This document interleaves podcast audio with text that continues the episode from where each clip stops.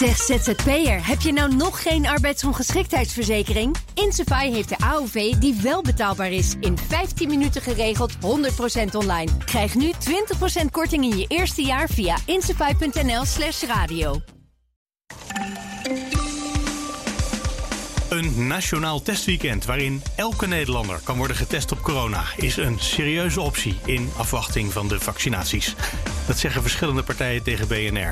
Het OMT heeft daar nog nooit over gesproken. Kartelwaakhond ACM maakt zich zorgen over het groeiend aantal lege winkelstraten. En dat is belangwekkend in zichzelf, maar het zegt ook iets over de rol die de ACM voor zichzelf ziet. En hoe dat aan het veranderen is. En de Europese Unie kondigt regelmatig sancties af, onder andere tegen mensenrechten schenders. Maar heeft dat eigenlijk effect?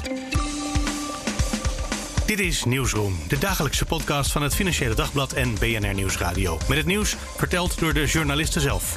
Ik ben Mark Beekhuis en het is vandaag donderdag 14 januari. En het gaat in deze podcast dus niet over Lodewijk Asscher, die zich heeft teruggetrokken als lijsttrekker van de PvdA vanwege zijn rol in de kinderopvangtoeslagenaffaire. Morgen maken we Nieuwsroom Den Haag. Dan gaan we daar uitgebreid over spreken. En je zou ook nog even de aflevering van afgelopen vrijdag kunnen terugluisteren. Want veel van wat er vandaag in het nieuws is over het aftreden van Asscher... dat hebben we eigenlijk afgelopen vrijdag in Nieuwsroom Den Haag al besproken. Trouwens, morgen zou het ook heel goed kunnen gaan over de val van het kabinet... Wie weet. En daarover zou je dan de podcast van gisteren nog even kunnen terugluisteren, als je die gemist hebt. Je vindt de links naar allebei die podcasts in de show notes, dus op bnr.nl/slash nieuwsroom. Hallo Geert-Jan Haan. Dag Mark Beekhuis. We gaan het hebben over uh, een plan om heel Nederland te testen tegen corona. In een weekendje misschien of in een week. Ja. Dat is een ambitieus plan. Waar komt dat vandaan? Dat komt van een aantal partijen uh, die ik uh, heb gesproken. het Red Team is voor. Dat is het adviesorgaan dat vooral bekend staat als uh, ongevraagd uh, adviesorgaan. Want zij geven uh, ideeën aan de overheid mee, um, omdat ze niet officieel in de adviesorganen zitten, maar dat zijn onafhankelijke deskundigen. Ja. Clubje burgers hè? Ja. ja, maar er zit van alles in. En ik heb ook contact gehad met gezondheidseconoom Sander Koolman. die ziet het als een optie. Um, omdat we het nu ook in Nederland natuurlijk hebben over andere uh, redmiddelen als avondklokken en bezoek- en vervoersverboden. En toen ik met hem belde, toen kwam dat zo terloops ter sprake van zou dat dan niet nationaal kunnen? En ook GroenLinks is daarvoor. Die hebben dat al in november en in december aangekaart in de Kamer. Toen hebben coalitiepartijen ook gezegd: Nou, laat uh, Hugo de Jonge daar eens onderzoek naar doen. Maar dat is een beetje gestrand, omdat toen de ziekenhuizen volliepen. Het hele land te klein werd omdat we sneller wilden vaccineren en we andere dingen aan ons hoofd hadden. En zo is um, dit plan vandaag uh, toch weer naar voren gekomen hier op, uh, op BNR. Ook ja, de inspiratie, of de inspiratie daarvoor, die ligt eigenlijk dan in landen om ons heen. Waar ze, wij doen het in Nederland af en toe in een gebied waar een redelijk grote corona-uitbraak lijkt te zijn. Hè? Ja, we hebben het tot nu toe eigenlijk bijna niet gedaan. We doen het nu in Landslingerland. Uh, om, ja, precies. Maar met als doel, met name daar, om te kijken uh, hoe die Britse variant huishoudt. En om informatie te vergaren en te kijken wat het effect op kinderen is. Eigenlijk is dat een soort uh, leerstudie. Maar dat heeft niet zoveel te maken met het virus een pak op de broek geven. Dat geldt ook voor okay. de test in Dronten. Want wat is er nou in Dronten? Ja, daar, dat is gewoon een gemiddelde gemeente. Dus dan, dan rest gewoon de vraag of er een alternatief is. En in het buitenland, uh, wat je al zei, daar gebeurt dit wel? Op uh, nationaal en regionaal niveau. En uh, soms zijn regio's best wel groot en onvergelijkbaar met landslingerland. Uh, ja. Denk aan China, hè, waar ze steden, uh, miljoenen mensen in steden dan uh, aan een uh, massatest onderwerpen. Maar China heb ik voor dit onderzoek even buiten beschouwing gelaten, omdat je dan toch ook wel weer met bepaalde vrijheden in het geding komt die wij in Nederland als niet wenselijk uh, achten. Of het beperken. Ja, en dat hebben we bovendien gisteren ook in de podcast al besproken. Dus, zonde. Ik heb um, gekeken naar Oostenrijk, naar Slowakije, naar Engeland, waarin Liverpool um, grootschalig is getest. Maar ze zijn nu ook bezig in Noord-Frankrijk. Ze hebben plannen voor Quebec in Canada. Dus er zijn meerdere plannen. En Quebec, dat is inderdaad een uh, provincie, maar dat is ook uh, groter dan, uh, nou, hoe groot is Quebec? Er wonen heel veel mensen. Oh, heel groot. Maar nee, er wonen wel minder mensen, volgens mij. Um, ja? Maar het is wel veel groter, ja. Het is, ja, ook qua vierkante meters is het zeker erg groot. Ik ben er vorig jaar geweest, ik heb het lang niet allemaal gezien. En de gedachte is dan dat als iedereen zich laat testen, even in een weekje, en dan natuurlijk als je weet dat je besmet bent, dat je thuis blijft in zelfquarantaine. Dat je dan in een heel rap tempo het, uh, het coronavirus terug zou kunnen dringen. Werkt dat ook in al die plekken? Nou, het beste kunnen we dan de situatie in Slowakije erbij pakken, omdat daar als eerste uh, een nationale test is gedaan. En die resultaten nu ook uh, steeds meer naar buiten komen en geanalyseerd worden door wetenschappers. En je ziet dat in Slowakije ongeveer uh, 1% van de uh, mensen die getest zijn, en dat is dus praktisch uh, de hele bevolking tussen de 10 en 65 jaar, dat 1% van de mensen die zich lieten testen, dat die positief bleek te zijn. Als je dat dan doorrekent naar hoeveel 1% van de Nederlandse bevolking zou zijn, zou je op 160.000 mensen misschien uitkomen, misschien iets minder, ja. als je niet alle leeftijden zou meenemen. En dan zou je denken, daar valt winst te behalen. Want uh, die filter je eruit. Er zitten ook asymptomatische gevallen tussen. Het klinkt heel effectief als je het zo beschrijft. Dus uh, meteen aan de slag. In Slowakije was de situatie anders en daar kunnen we ook van leren.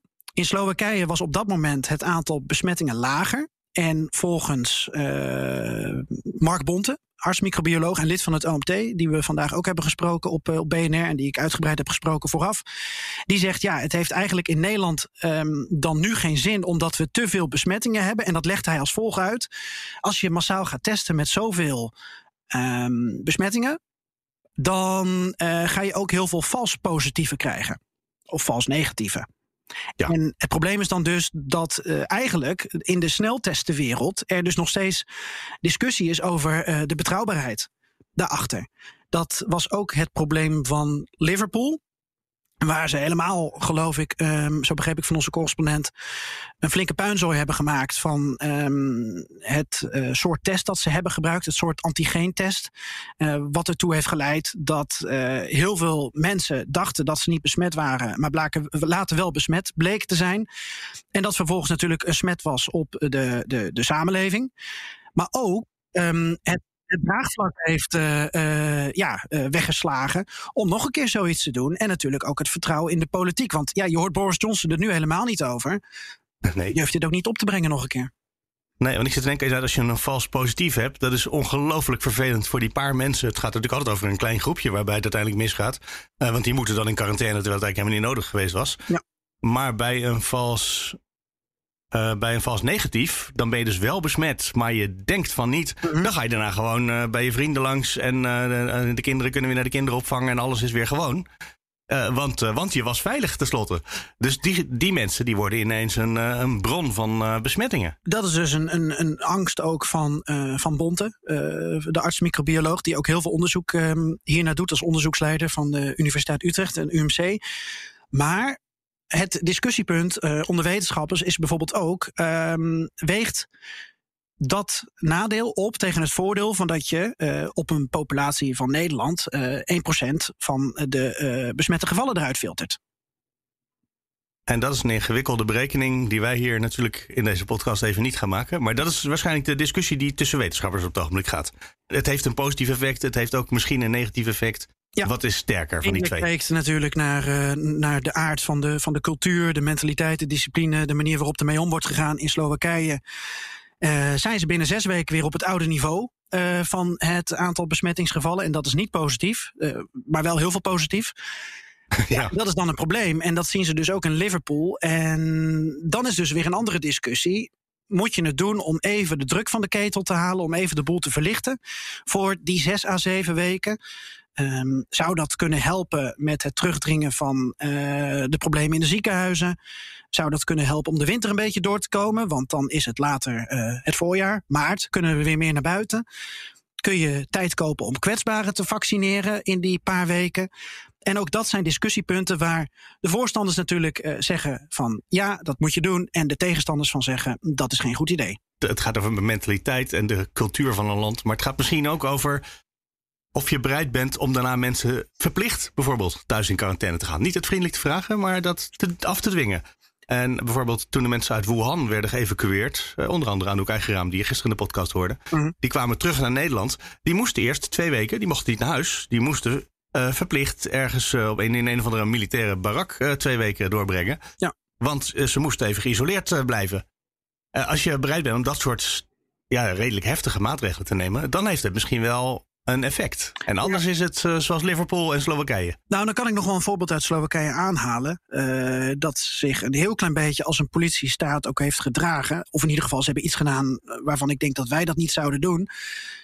Het was een, een vrijwillige testdeelname aan uh, dat nationale bevolkingsonderzoek, maar tegelijkertijd ook niet. Want als je had deelgenomen, dan kreeg je een, een certificaat, een soort coronapaspoort, een papiertje met een stempeltje erop. En daar moest je dan mee over straat.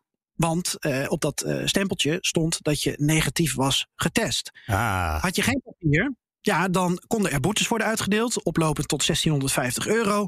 En zonder coronacertificaat, dus als je je niet had willen laten testen, dan moest je sowieso tien dagen in quarantaine en terug in je hok. Dus op die manier werd het als het ware een verplichting. Aan de andere kant, en dat is ook weer een discussiepunt, ze hebben ook een soort beloningselement ingevoerd.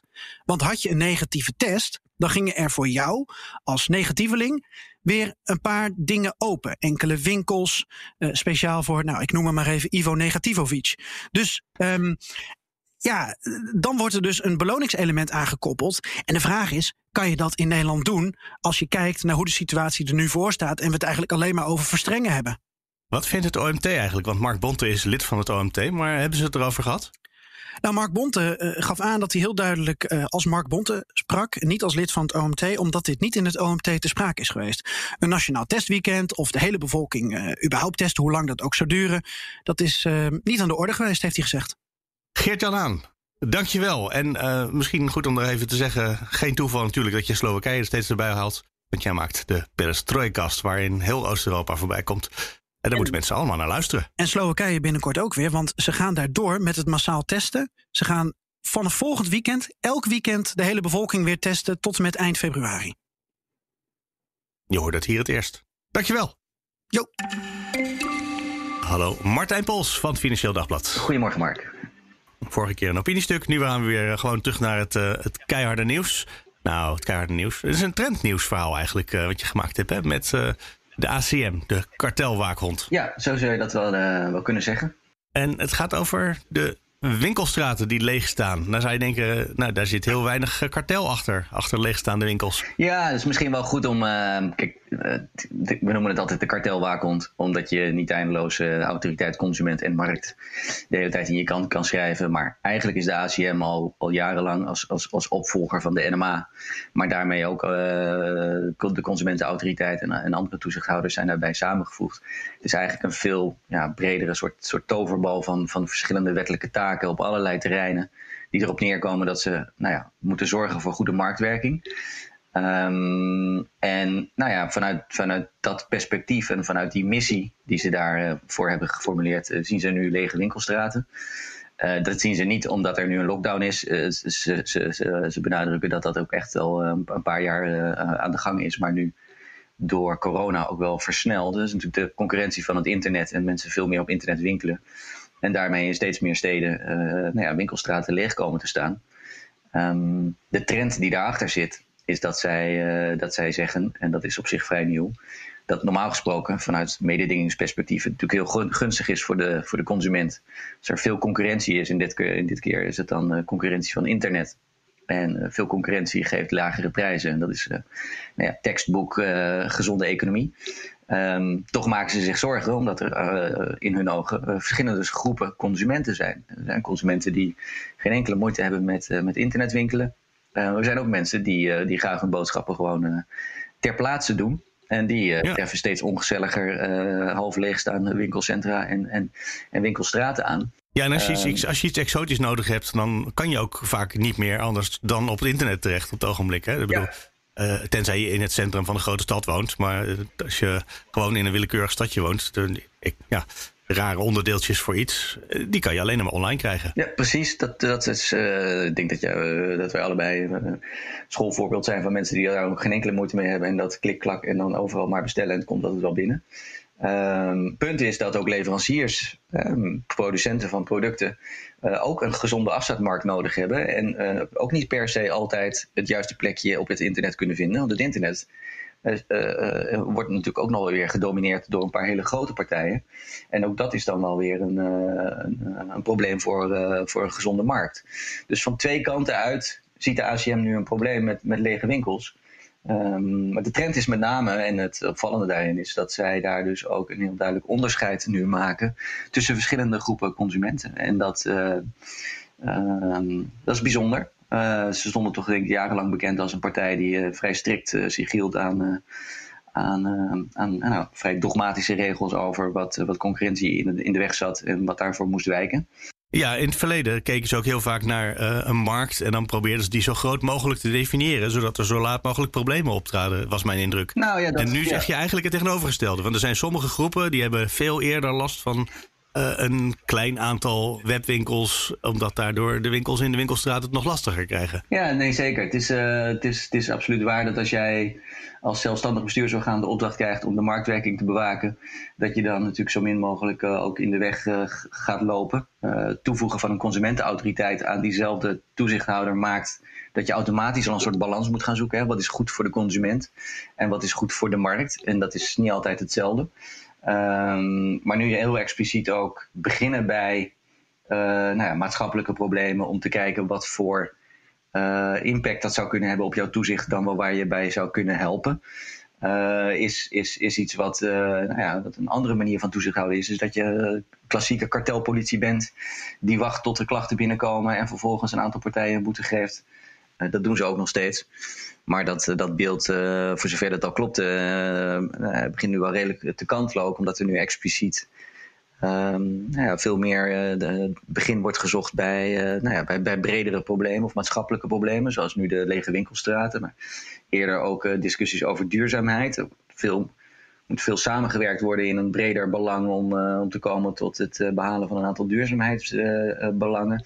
Daar wordt dan, hangt dan een beetje de sfeer overheen van dat dat niet kan, want het blijven ook concurrenten die samen moeten werken. En daar zijn ze nu ook proactief mee begonnen om meer uitleg te geven en ook meer ruimte te geven. En er is ook nog steeds wel een soort van angst natuurlijk voor, voor de forse boetes die ook wel degelijk kunnen worden uitgedeeld. Um, maar dat vergt dus een toezichthouder die zich ook uh, nou ja, eerst laat informeren met verkennende onderzoeken, met partijen praten en ook daar uitleg wil geven, zodat er op voorhand al wat meer duidelijkheid over is wat mag wel en wat mag niet. Want bijvoorbeeld over zo'n, als je zo'n maatschappelijk probleem neemt als leegstaande winkelstraten. Ja. Hebben ze daar een oplossing voor? Want kijk, als je zegt er is uh, kartel en dat mag niet, uh, boete, dat is simpel. Ja. Maar als je zegt, nou we hebben lege winkelstraten, doe er iets aan markt. Dat is ingewikkelder. Nou ja, kijk, wat ze eigenlijk zeggen is van uh, er zijn, zijn, zijn twee problemen. Vanuit die consument uh, zijn er twee groepen consumenten. Uh, hè, gemiddeld genomen zijn, moeten wij allemaal blij zijn met de concurrentie van het internet. Want hoe meer concurrentie, hoe lager de prijzen, hoe beter wij af zijn. Maar ze constateren ook dat er een groep consumenten is die helemaal niet zit te wachten op internetwinkels. En die juist in hun eigen dorp of stad in die winkelstraat willen winkelen. Die komen steeds vaker lege, ongezellige winkelstraten tegen. Tegelijkertijd uh, hebben leveranciers ook afzetkanalen nodig. En lang niet iedere producent van producten of iedere handelaar uh, heeft zo zijn eigen gezonde plek op dat, op dat internet, wat dan weer gedomineerd wordt door een aantal grote, grote partijen. Dus wat er in die lege winkelstraat samenkomt, zijn eigenlijk twee problemen die in die ACM, in die brede kartelpolitie, samenkomen. En zij, zij, zij denken het, met een analyse te kunnen kijken naar uh, waar dit vandaan komt en waar mogelijk drempels zitten om dit op te lossen. Zelf speculeren ze over uh, dat misschien leveranciers samen zouden kunnen of willen werken, maar dat niet durven omdat daar misschien mededingingsregels uh, dwars zitten. Winkeliers zouden misschien meer samen kunnen doen, maar durven dat misschien ook niet omdat zij denken dat dat niet, niet mag lopen ze nou tegen dat soort problemen aan in dat onderzoek wat ze dit jaar gaan doen, dan hopen ze dat ze dat ook kunnen uitleggen en daar misschien wat meer ruimte voor kunnen geven. Zonder, en daar ligt helaas dan wel een hele duidelijke drempel, zonder dat ze dan de regels kunnen, kunnen versoepelen. Um, maar ze denken wel dat uh, met hun ervaring, bijvoorbeeld ook op het gebied van duurzaamheid, um, en bijvoorbeeld ook op andere gebieden in het verleden, dat ze met meer uitleg meer vertrouwen kunnen geven, waardoor er mogelijk vanuit de rol van een goede marktwerking, en uh, nou ja, de marktmeester komt dan eerst nu even kijken waarom het, uh, waarom het misgaat. Is wel een heel mooi voorbeeld van een probleem wat elders in de maatschappij ontstaat. En waarvan ze nu zelf gaan zeggen om te kijken. Wat, uh, wat, wat, zouden we daar mogelijk aan kunnen doen? In plaats van dat je nou ja, wacht totdat er iemand een klacht indient. Of, uh, of dat er signalen zijn van harde uh, kartelovertredingen. En, ja, en het is natuurlijk ook als, je het, als, als de winkelstraten leeg staan. Dat is in zichzelf geen kartelovertreding. En daar kan je ook als consument moeilijk voor naar de rechter. Ja, Absoluut, absoluut. Nee, dat is. Uh, en natuurlijk ligt er ook een probleem, en ook dat is al wel op de agenda gezet, uh, op, dat, uh, op, dat, op dat internet en met name dat internet winkelen. Dat is in Nederland ook wel echt. er zijn een aantal vrij grote, forse partijen die, die als jij een elektronica-zaak hebt, kom je op het internet, nou ja, kom je bijna niet om, om Coolblue heen, om even een voorbeeld te noemen. Uh, Bol.com is ook zo'n voorbeeld waar, uh, waar veel mensen toch. Uh, je, kunt, je heel lastig je eigen plekje op het internet veroveren. En ook daar zit een probleem. En digitale platforms staan wat dat betreft ook al wel langer bij de ACM terecht op die, op die agenda. Om meerdere redenen, maar ook om, om, om die reden dat er, dat er te veel of te weinig ruimte is voor, uh, voor, uh, voor wat kleinere partijen. Die, nou ja, het internet heeft wereldwijd een probleem op, op, op, vele vlakken. Waarbij de dominantie van een aantal grote partijen hele, hele ja. grote gevolgen heeft. Um, dus dat is. Niet meteen opgelost, maar wel gesignaleerd en ze zijn ermee bezig. ja, zeker. En dat bij deze ja. is, is toe te juichen. de actieve toezichthouder die begint bij bij een probleem wat in eerste instantie buiten hen ligt, maar waar ze misschien mogelijk zelf bij kunnen helpen, is, uh, ja. is winst. Martijn Pos, dankjewel. Dankjewel, Mark. Hallo, Ria Kats. Hallo. Van het Financieel Dagblad in Brussel. We het hebben over de Europese sancties. Uh, er zijn best wat landen waar we chagrijnig over zijn wat er gebeurt. Boos misschien zelfs wel. Uh, nou, dan kan je denken aan Rusland en uh, Turkije, uh, Wit-Rusland misschien ook wel. en dan kondigen we sancties af. En dan gebeurt er niet zoveel. Hè? Meestal heeft het niet zoveel effect. Regelmatig heeft het helaas niet zoveel effect. Sancties zijn, um, ik sprak een expert, die zei ook, ja, sancties werkten vroeger beter. Toen was er het ook veel gerichter. Um, bijvoorbeeld in Zuid-Afrika, de jaren 70 en 80, tijdens het apartheidsregime, zei eigenlijk de hele wereld: dit is zo verschrikkelijk, dit is zo fout, dat. Uh, dat, dat kan niet. We stellen dus met z'n allen sancties in. En dan werkt het dus goed, omdat een land dan economisch behoorlijk wordt platgelegd en een regime dus onder druk komt. Uh, de laatste jaren zie je steeds meer eenzijdige sancties. Dat bijvoorbeeld alleen de VS het doet of alleen uh, de EU. En dan zijn er natuurlijk altijd achterdeurtjes. Uh, want een land kan dan nog zaken doen via andere landen. Uh, en dus op die manier alsnog um, ja, economisch op peil blijven. Een goed voorbeeld, een recent voorbeeld is wel de Iran-deal. De nucleaire deal met uh, Iran. Dat ja. is eigenlijk ook door de hele wereld afgekondigd rond 2012, een paar jaar geleden. En uh, China deed ook mee, de Verenigde Staten deden mee. En dus gingen de olietankers die normaal van Iran naar Europa of naar de VS uh, gaan, gingen dus nu ook niet naar Peking.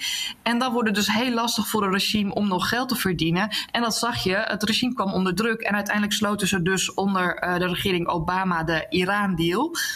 Um, en, uh, die wel weer uit elkaar gevallen is daarna. Uh, uiteindelijk is Trump uit die deal gestapt en ja. probeert uh, Europa dus koste wat het kost um, die deal in de lucht te houden samen met China en andere landen. Maar het is heel moeilijk omdat, want eigenlijk moet Amerika eigenlijk altijd wel meedoen. Amerika zit in SWIFT, dat is een bankair systeem.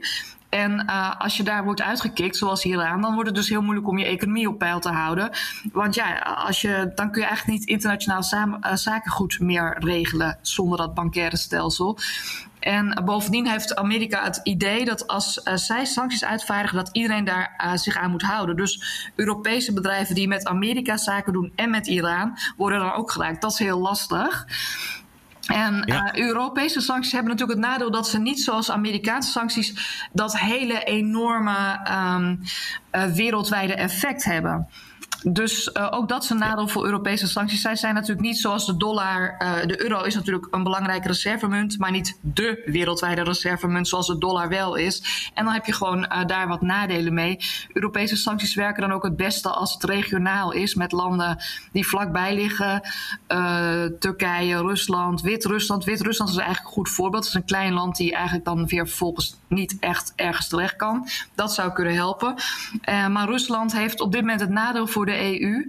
Dat uh, Poetin die, die kijkt gewoon, die denkt: uh, ja, ik heb die sancties van de Europese Unie vanwege de Krim, de annexatie van het schiereiland van Oekraïne. Dat is natuurlijk illegaal. Je mag niet zomaar stukken land van een ander land afpakken. Dus die sancties nee. zijn natuurlijk hartstikke terecht. Alleen Rusland die kijkt gewoon heel geopolitiek, Poetin.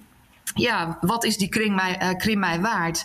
Um, is, is dat die hoge prijs waard dat mijn economie op zijn gat ligt? Ja, want ik wil laten zien dat ik nog steeds rijk van belang ben. Ja, dan wordt het natuurlijk heel lastig. Want die, die, die sancties tegen Rusland in verband met de Krim, die hebben voor Rusland wel degelijk effect. Misschien hebben ze niet het politieke effect wat Europa daarmee hoopt te bereiken. Maar ze, hebben wel, uh, ze, komen wel aan, toch, die sancties? Ze komen zeker aan. De Russische economie ligt, um, ligt op zijn gat. Uh, al jaren. Uh, maar nogmaals, uh, Poetin heeft gewoon um, ja, een rekensom gemaakt. En onder de streep is dat geopolitieke belang van die Krim. En dat verhaal van dit is mijn rijk, hè, dit hoort bij Rusland, Aha. is belangrijker dan de elite die wel degelijk baalt, de mensen om hem heen. Want die kunnen niet meer naar Europa reizen. Die kunnen niet meer hun Europese gelden ophalen. Die kunnen niet meer naar hun huizen in Londen. Ze hebben veel huizen, vaak heel dure huizen in Londen is Cyprus ook. Dus, uh, dus dat heeft wel effect. Maar ja, um, dat zeggen ook experts. Je moet de sancties wel um, met een bepaald doel hebben. Als het doel is Rusland te straffen, dan heb je natuurlijk uh, gelijk. Maar het doel was oorspronkelijk Rusland uit de Krim krijgen van Europa. Ja, dat is een te grote ambitie voor wat sancties kunnen bereiken. Maar daarmee is natuurlijk niet gezegd dat je, dat je helemaal nooit meer sancties moet doen. Want het kan wel degelijk werken. Ja. Het kan wel degelijk werken. Maar ja. dan zou Europa misschien ook wat, uh, wat meer vol overtuiging zich erin moeten storten, is wel eens mijn indruk. Er wordt uh, vaak heel lang vergaderd, omdat allerlei landen verschillende belangen hebben. En uiteindelijk ook niet iedereen er uh, echt vol overtuiging in zit. En je noemde Cyprus al, nou dat land wil nog wel eens ineens heel erg pro-Russisch uitpakken. Uh, of pro-Turks. Uh, dat, dat, daar zitten nog wat. Uh, daar zit misschien wat zwakte in op het moment dat het over een Europese sanctie gaat. Klopt. dat is de grote zwakheid van het Europese sanctiebeleid. het moet natuurlijk goedgekeurd worden door alle 27 lidstaten. Het kan niet bij meerderheid van stemmen of zo. Het moet per veto of per unanimiteit. Dus ieder land heeft een veto. Nou ja, dat houdt dus in dat uh, het soms heel moeilijk is om sancties tegen inderdaad Rusland uh, in te voeren. Italië heeft van oudsher ook nauwe uh, economische banden met Rusland. Dat geldt ook voor Griekenland. is bovendien Grieks-orthodox, Russisch-orthodox lijken op elkaar. Dus daar zit er wel, wel wat wederzijds um, respect, zeg maar. Cyprus, ook ja. een goed voorbeeld. Um, Hongarije heeft ook, uh, wil ook een, een, goede relatie met Rusland. Dus die, er zijn altijd landen die uh, dwars liggen. En altijd landen die veel verder willen gaan. Um, dus, dus daarmee uh, duurt het altijd heel lang voordat, of altijd, maar duurt het geregeld heel lang voordat sancties in Europa worden afgekondigd. Wordt er heel lang gediscussieerd van, nou, zullen we dan wel, zullen we dan niet, wie dan? Welke persoon zou eigenlijk wel die lijst moeten, welke persoon niet? Maar was nou juist niet de periode van uh, onze huidige Europese Commissievoorzitter von der Leyen. Was die niet bedoeld om voortaan een veel sterkere Europa in, Euro in de wereld uh, neer te zetten? Ja. Uh, ofwel is dat eigenlijk een beetje aan het mislukken of ben ik gewoon te ongeduldig? Ja, je bent deels ongeduldig. Het klopt wat je zegt. Uh, zij heeft bij haar aantreden gezegd: wij gaan weer als Europa op dat wereldtoneel naast China, naast Amerika. Wij zullen die derde macht worden die met eigen insteek komt. Dus heel erg op mensenrechten en Europese waarden, democratie, lalala. En wij laten ons niet meer wegspelen door, uh, door mannetjesmakers zoals Trump de afgelopen tijd was natuurlijk. En uh, China helemaal, Rusland, noem maar op. Nou ja, toen kwam natuurlijk al vrij snel na haar aantreden de coronacrisis. Dus ze had, het was al ja. alle hands aan dek. Ze had helemaal geen tijd voor veel uh, geopolitiek werk. Uh, maar ja, ze, ze wil ook heel graag dus uh, om wat meer vuist te kunnen maken van dat vetorecht bij buitenlands beleid af. Zodat je niet met alle 27 lidstaten hoeft akkoord te gaan, maar met een meerderheid van stemmen.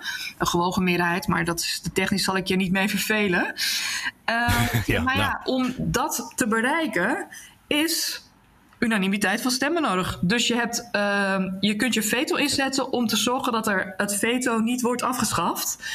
Ja, ja dus nou ja, dat doen altijd wel een paar landen. Dat doen uh, altijd wel een paar landen. Recent nog, um, uh, Europa heeft sinds kort een nieuw mensenrechtenregime. Je hoeft niet meer, um, je kunt nu ook uh, mensen direct op de sanctielijst zetten. Dus je hoeft niet meer eerst te discussiëren over van, ja, die mensen komen uit Turkije, dus we moeten eerst een sanctieregime voor Turkije. En als we dat sanctieregime hebben, dan gaan we mensen die daar wonen gericht pakken. Nee, je kunt nu ook gericht mensen op die sanctielijst let, zetten zonder dat het uitmaakt wat hun nationaliteit is. He, dat je ook kunt zeggen van Pietje zit wel bij in Dubai. Dubai doet niks verkeerd, dus we hoeven geen sancties tegen Dubai. We nemen gelijk Pietje, dat kan nu ook. Nou, dat is de Europese Magnitsky-act. Juist, de Magnitsky-act. En uh, nou, hartstikke groot succes. Iedereen was blij. Maar Hongarije zei: ja, maar uh, dit gaat ook, uh, dat gaan we ook met veto doen. Nederland en andere landen zeiden: nou ja, laten we dat nou eens een keer niet per veto doen. Laten we daar beginnen met, met die meerderheid van stemmen. Nou, is er dus niet doorgekomen. Dus ja. Um, ik denk niet dat, dat het heel makkelijk wordt voor Ursula von der Leyen om echt die geopolitieke commissie te worden. En er komt nog eens bij dat ook experts zeggen: ja, maar als je nou echt geopolitiek wil zijn, zul je dat ultieme middel achter de hand moeten hebben, hè? het leger. Nou ja, om een Europees leger te komen heb je natuurlijk ook weer um, unanimiteit van stemmen nodig. Dat ligt al heel gevoelig. Dus uh, ja, ik denk dat Europa een economisch groot machtsblok blijft. Maar, um, en, en uh, voor heel veel dissidenten overal in de wereld een baken van, god, daar houden ze tenminste nog van democratie.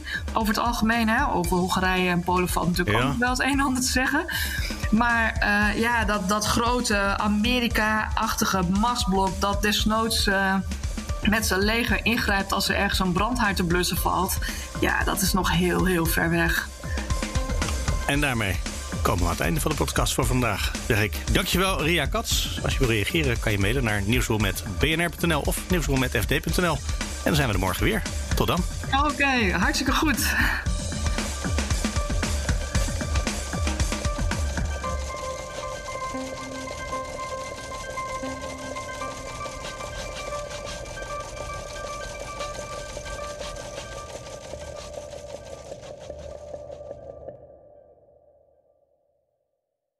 ZZP'er, heb je nou nog geen arbeidsongeschiktheidsverzekering? Insafai heeft de AOV die wel betaalbaar is. In 15 minuten geregeld, 100% online. Krijg nu 20% korting in je eerste jaar via insafai.nl slash radio.